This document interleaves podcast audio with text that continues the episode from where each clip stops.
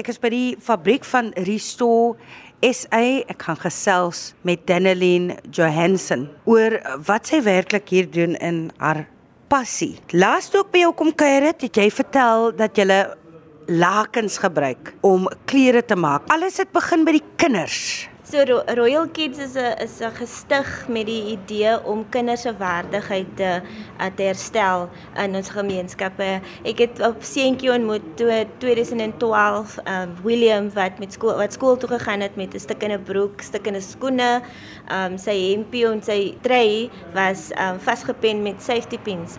En toe ek vir hom sien, toe dink ek vir myself, ek wonder hoe hierdie kind se selfvertroue lyk. Um, want as ek stukkende klere aan het, dan is my selfvertroue vroue glad nie goed nie. Um so my eerste gedagte in my kop was, wat kan ek doen om die kind te help? Wat kan ek doen om die kind se waardigheid te herstel? En veral omdat jy self 'n ma is. Absoluut. Um op daai stadium was het ek baie probleme gehad om swanger te raak, om 'n babatjie te kry. My hart was maar altyd vir kinders, my hart was maar altyd om te kyk hoe kan ek kinders help om om hulle lewe te verander. Um so Royal Kids het toe begin 2012, 2013 en die idee was net om te kyk hoe kan 'n skool skoene aan hulle voete sit. Want wat ek agtergekom het is um met 'n bietjie navorsing is dat ons het about 'n miljoen kinders in Suid-Afrika wat skool toe loop 10 tot 15 km 'n dag. Um sonneskoene. Hulle het nie skoolskoene en hulle het nie plakkies nie. Hulle het nie enige ander skoene nie. So hoe kan ons as Suid-Afrikaners in hierdie wêreld deur 'n dag gaan in toelaat dat ons kinders in ons plase en in gemeenskappe sonder skoene lewe?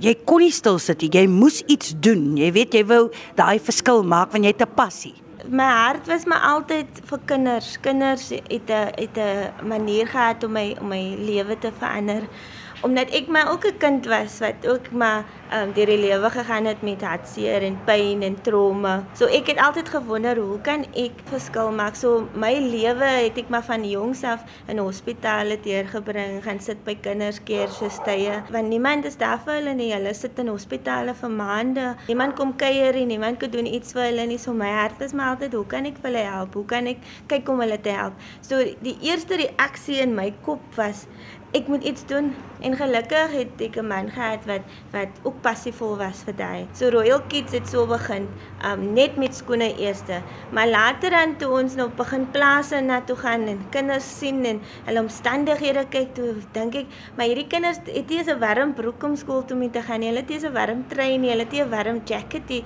Um hulle het mis, hulle het van hulle het nie so skoolklere nie. Hoe hoe kan ons nou verdere verskil maak? Ek het ook 'n passie vir vir werkskepping. Um wanneer ek sien hoe ons mense, ons vrouens, ons ons ons families as gebroke wanneer as die kos op die tafel lê. Hoe sit hulle kos op die tafel as aan die werk is nie? Ek het 'n goeie geleentheid gesien um om te kyk hoe skep ons werk, maar hoe hoe help ons ons kinders? En dit was asof die twee so goed was om met mekaar te trou. En die ander ding is, jy het toe iets wat in jou gaan stel. Jy weet hoe om klere te maak. Ja, ek het nie ek het nie van die begin af geweet om klere te maak nie. Ek het gaan sielkunde swat toe ek klas met skool. So want my kop was altyd maar hoe hoe help ons mense met trauma? Hoe help ons kinders met trauma? Hoe help ons kinders om uit trauma uit te kom en hoe om 'n mens te wees wat iets in die lewe wil bekom? Toe ek trou en ek en ek het soveel issues met babatjies en babatjies te kry en toe eventually toe kry ek by 'n baba.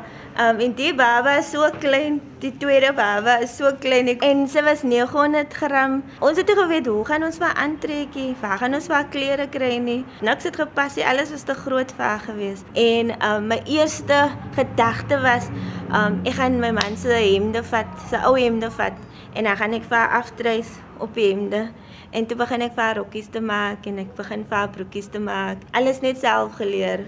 Um nou en dan vir iemand gaan vra wat ek wat ek ken wat wat naaldwerk doen. Sy het maar vir my geleer Ingrid en sy het vir my aan die hand gevat en actually baie goed is geleer um, wat ek vandag ken. En laas toe ek by jou gekuier het, toe het jy by 'n uh, hotelgroep lakens gekry en daat jy toe begin. Uh, hier waar ons nou staan, is dit groter. Jy het nou 'n hele naaldwerk afdeling aan die een kant. Laas toe ek by jou was, was daar een persoon dink ek of twee persone wat daar gewerk het. Hoeveel is julle nou? Voor Covid wat Covid gebeur het, het ons het ons baie vier me, meisies gehad wat vir ons gehelp het om skoolhemde te maak. So ons het 'n 'n ooreenkoms aangegaan met die Marriott International Hotel groep en hulle het toe hulle lakens aan ons geskenk.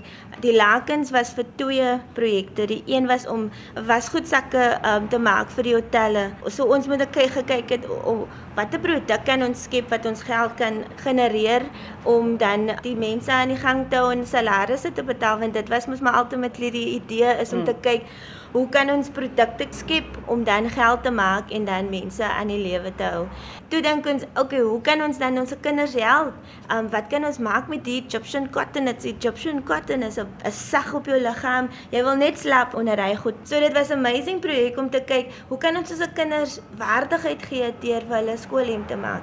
So ons het toe begin skoolhemde maak. Toe gebeur COVID, alles verloor. Ons moet alles toemaak, ons moet alles verkoop. Gelukkig het ek 'n bietjie savings gehad. Ek kon die mense aan die gang hou om vir hulle te, te, te gedurende COVID net te kyk dat hulle iets het op hulle tafels vir kons. Dit was net 'n blessing. Toe moes ons kyk hoe gaan ons terugkom Mm. Kan nie vir altyd plat lê nie. Ons is nog net die waterie, maar hierdie plek was deur die IDC gegee aan ons om weer te begin. Ons is op die oomblik 11 meisies So van 4 na 11 toe. Lê kom 'n stap gou bietjie in na die naaldwerk afdeling hier wat die dinge gebeur die fabriek area is is die plek waar ons die skoolhempies maak, die skooltreksuits vir die kinders maak. Ons maak klere uit die uit die lakens uit. So ons het nou begin printing op die lakens doen. Dit is dat ons gaan groei sodat ons kan werk skep vir mense. Ehm um, so op die oomblik wat ons hier doen is ons maak skoolhemde, ons maak klere, ehm um, van die van die lakens af en dan doen ons maar klein projekte tussenin. Ek het uh, gesien dat julle nou die mooiste klere maak. Jy het nou gepraat julle druk op die laken self. Dis 'n ingewikkelde ander storie nê, maar dan maak julle nou jasse en sulke goed ook. Hoe dit toe gebeur? Die skoolhemde is iets wat ons verkoop aan die kinders of aan die mense nie, is iets wat ons gee aan hulle. So ons maak seker dat hulle waardigheid het. So hulle daar's geen kostes aan dit nie. So dis die die kant van die die besigheid waar ons mense na kyk. Dan het ons die ander kant waar ons moet geld genereer. So die enigste manier was is om te kyk hoe kan ons wat ons het in ons hande dit te gebruik om dan iets te skep.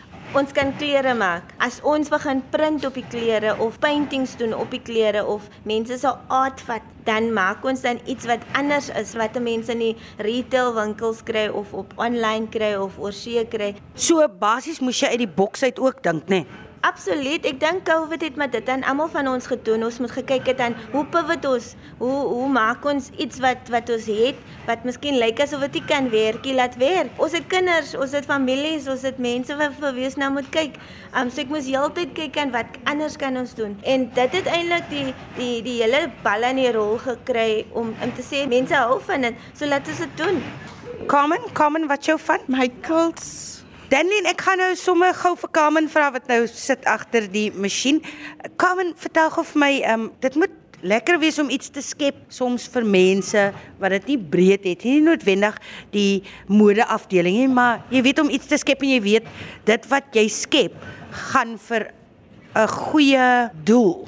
Ja, net om die glimlaggies op hulle gesiggies te sien. Jy weet is baie um dit is so emotional maar ook dit dit um sit hy glimlag in jou hart en ja. jy weet om te sien dat daardie kind nou so warm kan voel en deur die werk wat ons skep. Doen jy lank nou het werk Carmen? Het lyk like jy ken jou storie.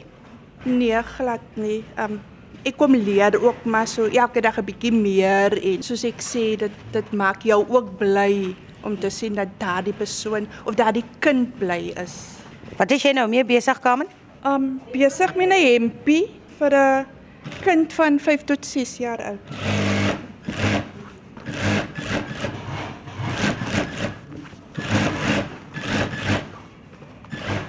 Ek sien die dames wat hier sit, het goeie gees. Dis fantasties. Hoe lyk toekomsplanne vir jou?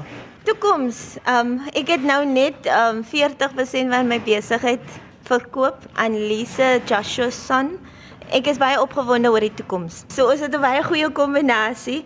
Um ek dink die toekoms vir vir Restore SA is om te kyk hoe meer kinders kan ons nog bereik in Suid-Afrika. Um sodat ons van 267 000 kan beweeg na 500 000. Kan ons 'n halwe miljoen kinders um in Suid-Afrika bereik in die volgende 2 jaar. Kan ons 'n miljoen kinders in Suid-Afrika bereik in die volgende 3 of tot 4 jaar. En ek glo dit is dit is moontlik. Die toekoms vir die Store SA is om te kyk hoe kan ons um, so gou as moontlik ons eie reeks op die been sit sodat meer mense kan bewus is van wat ons doen, wie ons is en uh, dat almal in Suid-Afrika 'n uh, 'n hemp of 'n uh, 'n jas kan kry van ou lakens en iets nuuts kan dra in Suid-Afrika. Iets nuuts wat 'n geskiedenis het.